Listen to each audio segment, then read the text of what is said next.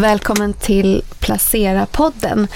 Vi som poddar idag är Daniel McPhee. Och jag Elinor Bäcket. Men framför allt så har vi dig här i studion, Kristoffer Berget. Välkommen. Tack Elinor och Daniel. Du förvaltar två fonder på Swedbank Robur. Men vi tänkte framförallt prata om Globalfonden idag.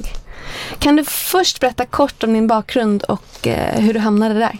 Det är normalt någonting som inte är en så kort historia, men eh, jag har varit på Robur i 17 år och förvaltat eh, Frontier Markets och tillväxtmarknader. Eh, 2016 tryckte vi om lite grann och då tog jag över det som sedermera blivit Globalfonden. Och du har även en techfond ska tilläggas.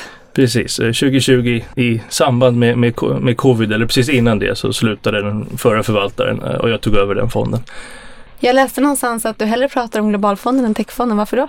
Ja, det stämmer. Jag är lite mer, mer stolt över, över Globalfonden. Eh, just jag har förvaltat den längre. Eh, men det är också en väldigt mer förvaltningsmässigt uppdrag. Det går att vara mer övervikt och undervikt. Och hur ser investeringsuniverset ut i Globalfonden? Vad får du investera i? Ja, det är lite det som är det fina. Jag får investera i stort sett allt. Det är globala aktier eh, egentligen oavsett vad de är.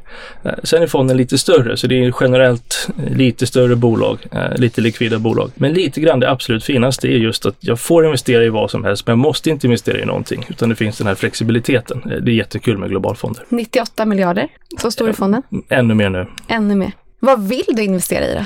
Ja, det är ju titta på eh, innehavslistan så ser man i alla fall vad fonden äger. Och det är ju en reflektion av att vid något tillfälle har de eh, bolagen, aktierna, varit rätt värderade för att platsa i fonden. Så det är väl en bra början. Sen är det klart, det pågår ju förändringar och, och nya tankar hela tiden. Du tog över den här fonden 2016 då. Gjorde du några stora förändringar som är Just det. Jag, jag har förvaltat över tio fonder och det betyder att jag tagit över tio fonder. Jag tror bara en av dem var en helt nystartad fond. Eh, när jag tar över en fond, då gör jag om den helt till någonting jag kan stå för. Så jag gjorde väldigt stora förändringar. Inte absolut allting och jag kände ju förvaltarteamet innan så, så jag hade ju aning om ungefär hur de tänkte och varför, vad de hade där. Men eh, jag kör alltid min fond och jag ställer om det direkt. Eh, så att alla, en, några misstag som jag körde är mina misstag. Inte skylla på någon annan eller ens tänka att det var egentligen inte min. Det är ändå kundernas pengar som sitter där. Och vart börjar man i en sån process om man pratar dig då? Man börjar med att ha eh, haft väldigt lång erfarenhet eller åtminstone intresse i, i marknaden under väldigt lång tid. Globalfond var rätt naturligt för mig. Jag är ändå eh, halvamerikan. USA har varit den marknaden jag följt mest eh, utan att kanske professionellt förvalta den innan jag tog över den fonden. Så jag visste ju redan hela universet i stort sett. Eh, och det menar jag inte hela universet utan de, de stora bolagen och det som jag ser som är relevant att investera i. Så det var bara att börja, börja ställa om försiktigt i termer av att ta för stora steg i absoluta början, men man måste ändå vara modig för att lyckas också. Och man kan, man kan flytta om också. Det är det fina med lite större eh, innehav bolag, att det, det går att ändra sig. Och eh, var det några specifika branscher som du inte investerade i som du tog ut eller specifika branscher som du gillar mer som du tog in som inte fanns? Så fördelen med att ha suttit med Frontier Emerging Markets är att jag fick lära mig varenda sektor den svåra vägen så att säga. Oljebolag, gruvbolag, konsumentbolag i Emerging Markets. Jag fick även lära mig om governance, hur viktigt det är att det är en bra stat eller gatsystem, system, eh, men även corporate governance, att bolagen inte skjuter, skjuter med egna bolagen i sank och, och, och startar dem. Och kanske vikten av att ha innovation och inte vara en reglerad eller en marknad som är pseudoreglerad. Så jag undviker generellt bolag som inte kan differentiera sig. Eh, elbolag, telekomoperatörer, eh, banker är lite gränsfall beror på vilken jurisdiktion och sådana saker. Så det avgränsar jag också mm, väldigt enkelt. Eh, även real estate undviker jag generellt. Det finns undantag ibland, då är det någon unik exponering, något unikt land eller unikt läge värderingsmässigt. Men det avgränsar väldigt mycket och så samma då på länder. Man avgränsar bort de här lite mer högriskländerna om det inte finns en enorm Eh, möjlighet rent eh, finansiellt, alltså att det är superbilligt. Och då hamnar vi i vissa sektorer, så jag ställde ju om. Jag köpte ju de här stora eh, cloudbolagen. Eh, Maga blev de ju senare och nu är det Magnificent Seven. Jag köpte dem redan 2016. Eh, fördelen med att ha gjort emerging markets innan var att jag känner till halvledarsektorn väldigt bra också med TSMC i spetsen och det fanns ju redan i fonden. Så då köpte jag ju väldigt snabbt Nvidia redan 2016 till exempel och andra bolag i det ekosystemet. Det är lätt att se, sitta nu, det nio år senare, och sitta, men det var ju enkelt. Men det var ju inte det då. Det var ju inte alls lika självklart att det här var spännande. Så det har varit en kul resa. Och apropå resan, är det fortfarande ett stort innehav? Det har ju varit en fantastisk eh, börsresa i, i framförallt Nvidia. Har du liksom eh, gjort några förändringar utifrån hur det faktiskt har gått så bra? Ja, så, så normalt så, så gör jag väldigt många små kontinuerliga förändringar och försöker ha en syn på vad bolag är värt, om det, om det är mer eller mindre. Och så skiljer jag på det kortsiktiga och långsiktiga. Så kortsiktigt vet jag att väldigt fina bolag kan bli väldigt övervärderade, men också undervärderade. Så jag har kontinuerligt köpt och sålt. Ofta är jag då sålt efter stora uppgångar och jag har köpt mer efter nedgångar. Eh, Nvidia är tacksam för den är väldigt volatil. Eh, så, så länge man inte blir rädd och tror att eh, allting kommer att sluta så att säga så, så kan man våga köpa eh, när det är ner lite och, och sälja av när det är upp. Så det är det jag har gjort. Och för att komma ihåg, det här är inte eh, varje dag utan det här är ju i stora cykler de sista eh, många åren. Det är fortfarande ett stort innehav. Det har gått väldigt bra sen ja, det är några kvartal sedan. Men jag har handlat betydligt mindre eh, sedan dess. Nu är det lite grann att vänta och se hur fundamenten kommer ikapp eh, värderingen. Eh, vilket baserat på förra rapporten så ser det i alla fall ut, gå i den riktningen. Om man bortser från aktien, vad är dina tankar kring Nvidia som bolag? Framåt? Det låter som att du är väldigt positiv till bolaget, men aktien har gått väldigt starkt, växer in i värdering. Hur går dina jag, jag, jag har alltid tyckt att det är ett av världens coolaste bolag, men det är för att jag gillar att spela dataspel redan på 2000-talet. Jag har följt bolaget. Veden har ju suttit där tror jag, i 30 år. Jag brukar säga att det tar, det tar en decennium to be an overnight success. Vi pratar om bolaget idag, men, men han har jobbat hårt. Jag tror vdn till och med varit ute och sagt att så här, skulle han starta en video idag skulle han inte göra det. Det var för jobbigt, det var för svårt, det var eh, psykologiska utmaningar. Eh, allt där. Så det är jättespännande. Och sen är det dessutom inte bara grafik nu, utan det är ju hela generative AI. Det här är ju liksom spadarna och, och skyfflarna för cloudbolagen som är världens ja, rikaste, eh, mest lönsamma bolag som tjänar väldigt mycket pengar och investerar väldigt mycket. Eh, men över en triljon dollar är också väldigt stor market cap att ha. Eh, så det är en svår balans att försöka se vad är möjligheter framåt som inte är inprisat. Och det är väl det det här bolaget alltid har haft eftersom de har jobbat med den här mjukvaran och hårdvaran så länge. Att de har haft den här optionaliteten i att det kan användas till någonting som vi inte tänkte på då, för fem år sedan. Eh, storyn eh, förra cykeln, vad är det, tre, fyra år sedan var ju självkörande bilar och, och eh, hårdvara till det. Det har ju inte riktigt hänt. Det var mer visionärt och inte riktigt redo, men det kan komma i framtiden till exempel. Så det finns ju saker som skulle kunna försvara en hög värdering. Samtidigt har den ju haft stora drawdowns, alltså ner 50 plus under flera, flera tillfällen de senaste decennierna ett annat stort innehav, skulle säga att Nvidia är väl kanske, vad blir det, nionde största, så det är inte något jättestort innehav just globalfonden, men är TSMC halvledare. Vad är det du gillar med det bolaget? Inte riktigt lika uppenbar resa i år i alla fall. Nej, eh, det är ju ett av de största bolagen i emerging markets. Nu tror jag Taiwan i och för sig är relativt utvecklat, men eh, så som man strukturerar eh, börser och sånt i världen. De är om möjligt ännu mer vitala för den globala infrastrukturen än Nvidia. Det finns ingen Apple-telefon som inte har den viktigaste delen, processorn, producerad i, i Taiwan hos TSMC. Så det är ett bolag som har en enorm viktig position i den globala värdekedjan för egentligen alla eh, mer avancerade halvledare. Eh, samtidigt är den värderad väldigt försiktigt jämfört med det. Men de kan höja sina priser, eller hörde jag dig säga en annan intervju? Ja, de har just nu, och det, när jag först köpte dem var, var det likadant, de har en latent möjlighet att höja priserna. De har inte höjt priserna. De har hållit ner priserna och skapat, till, tillåtit skapa hela det här ekosystemet av eh, fabless semiconductorbolag som, det är många av dem. Apple är ju ett exempel, eh, men även eh, Qualcomm, Broadcom, eh, massa bolag man inte hört talas om för de säljer ju inte konsumentprodukter men som definitivt finns i eh, alla telefoner, tv-apparater, alla, alla sådana saker. Eftersom de är helt vitala för både Nvidia och Apple så, så kommer de kunna höja priserna. Och de tjänar ändå väldigt mycket pengar trots att de inte tar det här maxpriset eh, och de skapar en lojalitet och flera kunder de investerar också otroligt mycket pengar. Det är de som tar de här kapitalkostnaderna eh, och bygger de här halvledarfabrikerna som börjar bli så viktiga även för regeringar och stater. Det låter ju som att, när du pratar nu, att många av de innehaven som du köpte när du tog över fonden fortfarande finns idag. Och att du kanske handlar runt innehav, att du säljer lite grann ibland och köper lite mer ibland. Finns det några situationer där bolag i ett större perspektiv ändå tickar de boxarna du letar efter, men du ändå väljer att sälja helt eller minska? Och vad är det som får dig att lämna ett innehav helt? Så eh, du, du har nog rätt så att att det finns en, liksom en kärna och den är relativt eh, statisk. Eh, det är nog inte helt sant. Det hinner hända en del på, på nio år.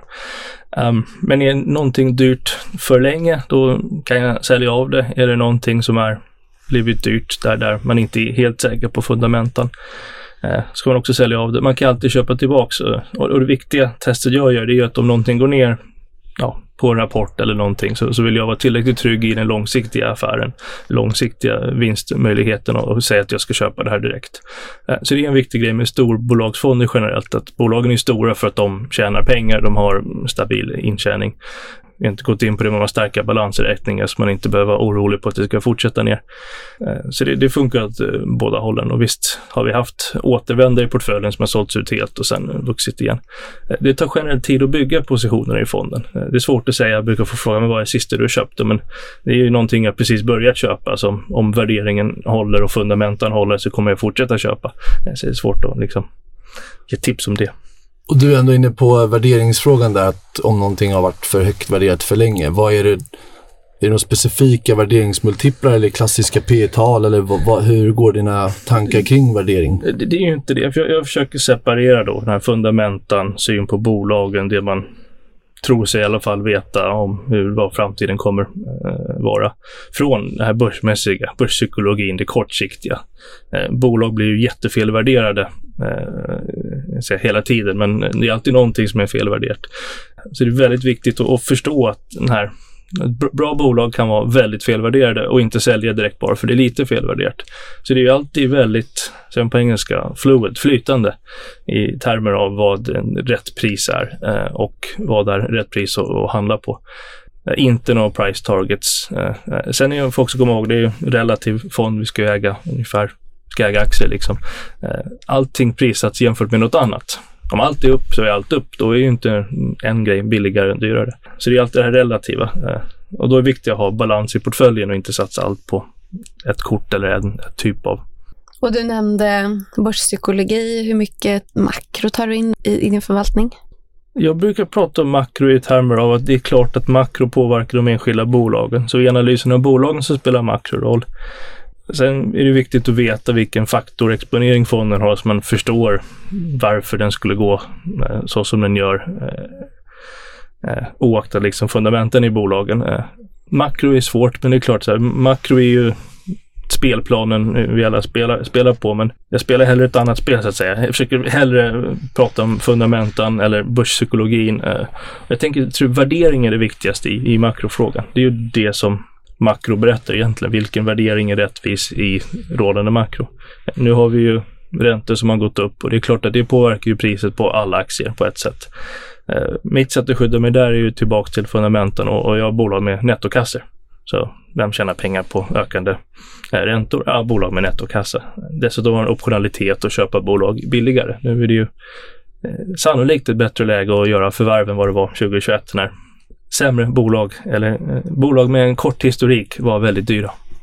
Skulle du säga att du har ökat exponeringen mot bolag med nettokassa i samband med att ränteläget har förändrats eller är det här någonting som du har egentligen tänkt sen, ja, har haft negativa räntor? Nej, nej det, det, är inte så. Det är inte så att makro sätter hur, vilka bolag jag ska köpa i termer av eh, bara kvantitativa faktorer. Eh, det kan ha påverkan på men, hur eh, aggressiv hela portföljen är, men det försöker vara bottom up first, så att säga.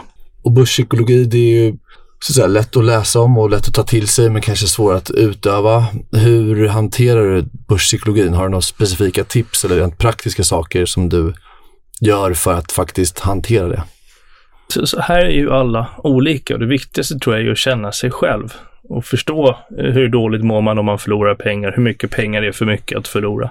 Jag har gjort det här mer på ett professionellt plan och jag har ju kollegor som till exempel löser det genom att inte titta på performance utan fokusera på fundamenten. Det är ju ett sätt.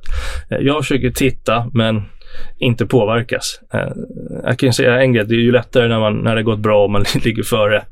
Eh, men, men man måste känna sig själv. Om man blir stressad av en nedgång, då har du antingen ett för stort innehav eh, eller kan inte positionen i trygg tillräckligt mycket i vad du äger. Tipset är också att öva, men öva med väldigt lite pengar. Min resa liksom är att förstå börspsykologi, det började jag när jag själv började handla. Jag började handla 2000 och jag förlorade väldigt mycket pengar för mig då, men jag hade ingen inkomst och inga pengar. Så det var väldigt lite pengar i syvende och sist. Eh, och det gav ju mer smak att eh, prova och öva och det är klart, alla kommer göra sin första aktieaffär, de kommer göra sin första optionsaffär. Erfarenheten är att de gör optionsaffär tills de förlorar allting och så eh, har man lärt sig en läxa där. Och så fortsätter man och sen inser man nog att om man inte har bråttom och blir rik på aktier så kanske man kommer bli det. Har man bråttom så kommer man sannolikt eh, gå bort sig. Och man får väl också vara medveten om man inte har för mycket av den här eh, spänningsmomentet i det. Eh, det är ju någonting som väldigt tråkigt händer ju här under eh, covid-tiden och kryptovalututrading och allting, att väldigt många eh, istället för att spela på sport och sånt spelade på börsen. Och, eh, det var nog olyckligt för mångas erfarenhet blev då att det är lite som ett kasino och det, det är inte meningen. Men eh, din tid i, som emerging markets förvaltare, tror att den erfarenhet, jag kan inte emerging markets särskilt bra, men jag tänker att det är kanske större volatilitet där och större händelser och, och kraftiga slag. Tror du det har hjälpt dig mycket i din börspsykologi? Eller är det mer hur du är som person och din så att säga, generella erfarenhet? Det är, det är en bra fråga. Jag har inte tänkt så mycket på det, men eh, så måste det lite vara. Emerging markets är makro viktigare, för det är mera landets makro i de här länderna man är och välja vilka länder man är exponerad mot. Eh, det händer mycket mer saker som är jättejobbiga, typ man vaknar upp och det är något upplopp eller, eller någonting eller någon regulator som ändrar något helt oväntat. Eh, och det är dessutom många olika länder. Så det var ju faktiskt en rätt jobbig tid. Emerging markets är inte superlätt eh, som sådant. Så det hjälpte nog eh, mera kanske att få en bredd i hur man tänker på aktier och, och marknader och sånt. Eh, snarare kanske själva psykologin. Men ja, man blir väl lite härdad av dåliga, eh, svåra erfarenheter. Du har en del hälsovård i Globalfonden. Eh, vad är det du gillar med det och inom, liksom, vilka områden inom hälsovård? Ja, så för, för, att få en balans i en global portfölj som man ändå vill ha och inte ska inte vara en Eh, techfond till exempel, så är hälsovård generellt jättebra ställe att vara på. Eh, jag tycker det är mer innovativt än till exempel konsumentvaror. Eh, samtidigt är det ofta defensivt. Det är någonting vi behöver i, tid och otid. Och, och där finns det olika ställen i, i hälsovårdssektorn jag, jag har letat. Jag har de, de tråkigaste bolagen som är de här sjukförsäkringsbolagen i USA. En väldigt specifik sektor för USA eftersom de inte har statlig sjukvårdssystem, eller det här är en del av det.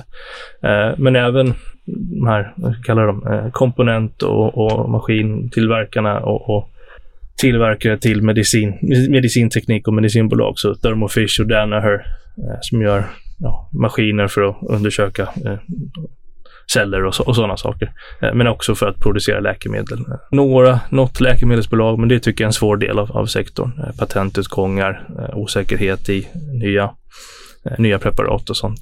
Träffar de här bolagen någonting på plats och vad har du för förhållningssätt till det? Så det var bra med emerging markets. Reste otroligt mycket, fick se länderna lära sig om bolagen. Eh, samma eh, när man kör en global fond, men eh, det är kanske lite mindre spännande att åka till USA, som jag vet hur det ser ut. Eh, men jag har ändå gjort det, så jag, jag besöker bolagen, eh, försöker få så, så, viktig person eller så färgstark person som möjligt på bolagen, minst CFO eh, helst. Eh, var nyligen i Silicon Valley på en tur med andra nordiska investerare. Eh, Liksom. Så, så, vi träffar bolagen och ser vad som händer. Sen är det så här, ofta är det ju när man börjar, första gången man träffar bolag lär man sig otroligt mycket. Andra gången lite mindre, tredje gången ännu mindre. Sen blir det bara mer att hålla koll på, hålla kvar kanske en relation och hålla koll. Eh, sen får man vara försiktig, man inte komma för nära bolagen. Liksom. Det, det, är ändå så att vi ska ha våra fondandelsägares finansiella intresse eh, i absolut första hand. Du får rätta mig om jag har fel, men jag uppfattade att du hade en undervikt gentemot index i alla fall i Apple. Hur tänker du kring Apple om vi bortser lite från aktien, men som bolaget då, kommande period? Finns det något skäl till undervikten? Eller tänker du inte alls i termer av index? Jag försöker undvika i termer av index. Sen vet jag att Apple är Eh, en, en stor undervikt. Jag vet att det är ett väldigt bra bolag. Deras produkter finns överallt eh, som vi ser. Det är otroligt lönsamt och, och till stor del med rätta. Kunderna älskar produkterna. Eh, det är också faktiskt ett av bolagen som har påverkat den relativa avkastningen sämst, att inte ägt den. Jag har ägt TSMC istället generellt. TSMC är en mm, vital underleverantör till dem och är väldigt viktiga. Samtidigt har jag haft en övervikt i andra techbolag. Broadcom är en stor underleverantör till dem till exempel och det finns, finns eh, många andra. Eh, så vi har ändå varit exponerade mot det temat, men ja, tyvärr inte ägt Apple. Det hade varit det enklaste. Och det kan jag säga, det är den aktie där hela Wall Street eh, tycker det är jobbigast när den går upp. Därför att alla är på något sätt underviktade i stort sett. I ett techindex i USA är den ju 16-20 procent. Och i globala index är det, är det jättestort och alla måste förhålla sig till det och, och de som inte ägt det liksom på det professionella planet, de har ju ont liksom.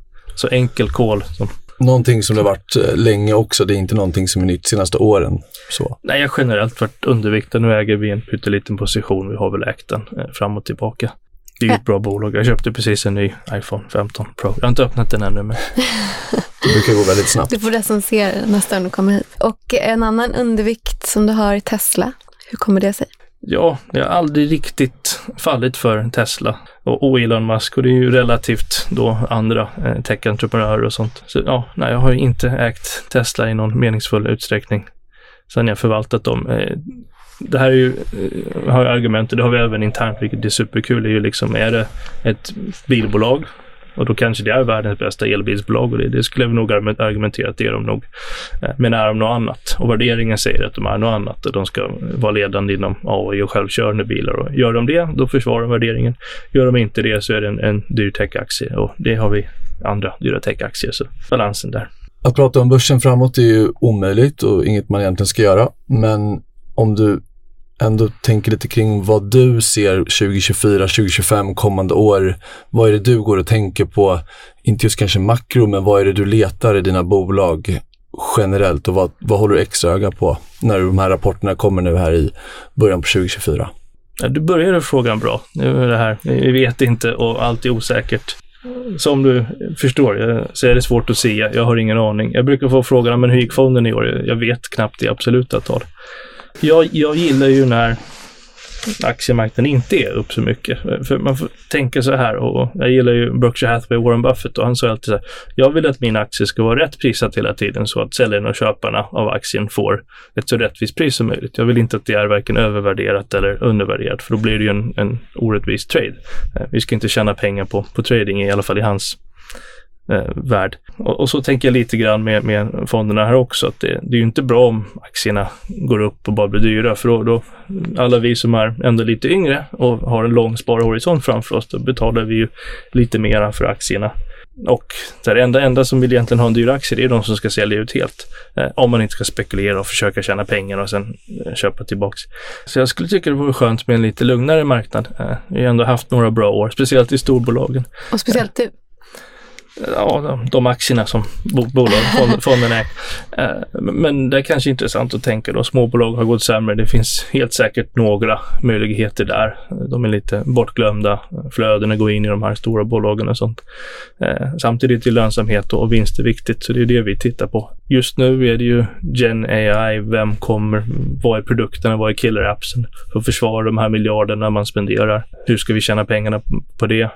Eh, ni nämnde makro, jag tittar inte mycket på det, men jag vet ju att räntorna är höga. Jag vet att förväntningarna att räntan kommer ner. Frågan blir varför kommer räntorna ner? Kommer de ner för att det är en recession och väldigt tuffa tider? Stor del av aktiemarknaden och, och, och ekonomin är ju inte riktigt på, på topp. Så det är klart, man vill inte ta ut saker i förskott. Så om räntan går ner för att det är en recession, då blir ju det jobbigt för vissa sektorer. Och, och kom ihåg, jobbigt för vissa sektorer, det är möjligheter att köpa aktierna på längre sikt, så länge fundamenten inte är helt förändrade.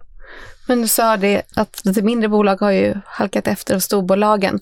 Vad är liksom, har du någon möjlighet att ha, du har ju ändå, var 78 innehav eller något sånt där. Kan du liksom gå upp och gå i, i fler mindre bolag? Har du möjlighet att göra det? Är det någonting som du tänker på att du skulle kunna göra? Tanken finns där. Och det går att göra. Det är en rätt stor fond, men nu får man definiera lite mindre bolag. Mindre bolag i global eller USA-index är inte supersmå bolag i alla fall. Eh, och det är klart, vi går där möjligheterna finns och det finns mer sannolikt möjligheter där eh, framöver. Du är inne på att vi inte har någon aning om vart aktierna går, du vill ha en lugnare börs. Är det någonting speciellt i det här klimatet nu med AI och allt vi pratar om som du tittar rent fundamentalt på bolagen eller upplever du att det ändå är ganska mycket samma oavsett vilket klimat det är? Du pratar om balansräkning och att de ska ha affärsmodeller som funkar och vinstutveckling och framtida vinster såklart. Men när du läser de här rapporterna, är det någonting specifikt du letar efter eller tecken på svaghet i något specifikt område eller styrkor i något specifikt område rent fundamentalt? Alla pratar ju egentligen samma saker. Jag har Mm. också lyssnat på podcast och, och generellt är ju liksom en long only förvaltare kommer säga de här, säga samma sakerna. Det är väldigt olika hur man tillämpar det, hur pragmatisk man är på värdering, hur man tolkar fundamenta. Din fråga är ju supersvår för det är lite grann där man själv, själv ställer sig frågan. Vad tittar jag på och har jag en förståelse på någonting som inte andra har? Man vill ju alltid veta om man äger någonting. Eh, är det allas favorit och alla vet om det här eller finns det någon subtil så subtilt som är, kan bli bättre eller sämre som inte andra tänker på. En viktig grej har ju varit det här med balansräkningar som jag tror är underskattat eh, enormt mycket. Även i sämre tider. Vi har ju haft en, i stor del av ekonomin, en, en form av början på recession eller dåliga tider. Samtidigt har några stora bolag gått väldigt, väldigt bra. Eh, och det jag tittar på där är ju cloud-utbyggnaden och den digitala utbyggnaden. Och för att ens börja prata om att göra generative AI måste bolagen alla ha en digital infrastruktur som är stark och, och cloudbolagen kommer ju tjäna eh, oavsett oaktat. En stor grej i år har ju varit att alla har velat sälja de här stora cloudbolagen och sagt att men, de har blivit för stora, eh, de går för bra. Eh, men sanningen är nog att de, har, de är för stora ur ett kanske eh, regulatoriskt perspektiv, men i termer av att de är eh, hjälper sina kunder med sin digitaliseringsresa är det ju ingen snack om. Och det är nog väldigt viktigt att digitalisera så snabbt som möjligt ur konkurrenssynvinkel för, för alla bolagen. Och det pågår ju och det är väldigt lönsamt. Och de fortsätter investera och, och förhoppningen är att de konkurrerar mer med varandra och håller ner priserna. Eh, men eh, sann sannolikheten att det kommer någon tredje part eller något nytt bolag in och slår sönder eh, de här marknadspositionerna. Det, det är osannolikt. Om det inte kommer ett enormt teknikskifte som vi givetvis letar efter. Men svårt att hitta sådana för alla andra. Du pratar om att du har spelat mycket dataspel och därför har kompetens inom teknik och förstod Nvidia tidigt. Hur håller du dig ajour på all teknik och utvecklingen som händer på marknaden? Så erfarenhet av att ha rest ut i världen, så Taiwan, Korea, superbra. Där vet ju man, Taiwan producerar stora delar av iPhones, så där får man lite, lite tidigare inblick kanske än, än gemene man i alla fall. Kollegor, eh, vi har precis anställt en teknikspecialist, eh, ingenjör, kunskap vi inte har. För det är det intressanta, jag tycker det är intressant och kul, men jag förstår ju inte underliggande hur folk, saker funkar. Som tur är har det inte behövts, utan bara att det funkar och vem som kan bygga sakerna kollegor ute i världen. Eh, jag önskar jag hade mer tid att själv pyssla och ha med, men så, så funkar det inte. Fonden har gått upp nära 220 procent på fem år och du har ju slagit index med råge. Varför, man skulle kunna säga att det är det enda du pratat om hela den här podden, men om man skulle liksom sammanfatta, varför tror du att du har lyckats med det? Nej, men jag tror det är viktigt att man tycker att det är roligt med aktier. Man är nyfiken Eh, och haft möjligheten och den karriär och möjligheten jag hade innan jag tog över fonden var väldigt bra eh, för att vara förberedd för att förvalta en global aktiefond. Och, eh, jag tror jag har haft tur och varit den lite yngre generationen som förvaltar också och förstått lite nya saker som händer. Eh, och det är väl det som är det svåraste och roligaste, det är att försöka hålla sig ung så att säga och förstå vad som händer och, och vad man missar. Eh, eh, man känner ju redan att man tappar. Man träffar ungdomar som har koll på saker man absolut inte kan. Eh, men man får kämpa på det. Tack så mycket för att du kom hit, Kristoffer Berg. Tackar.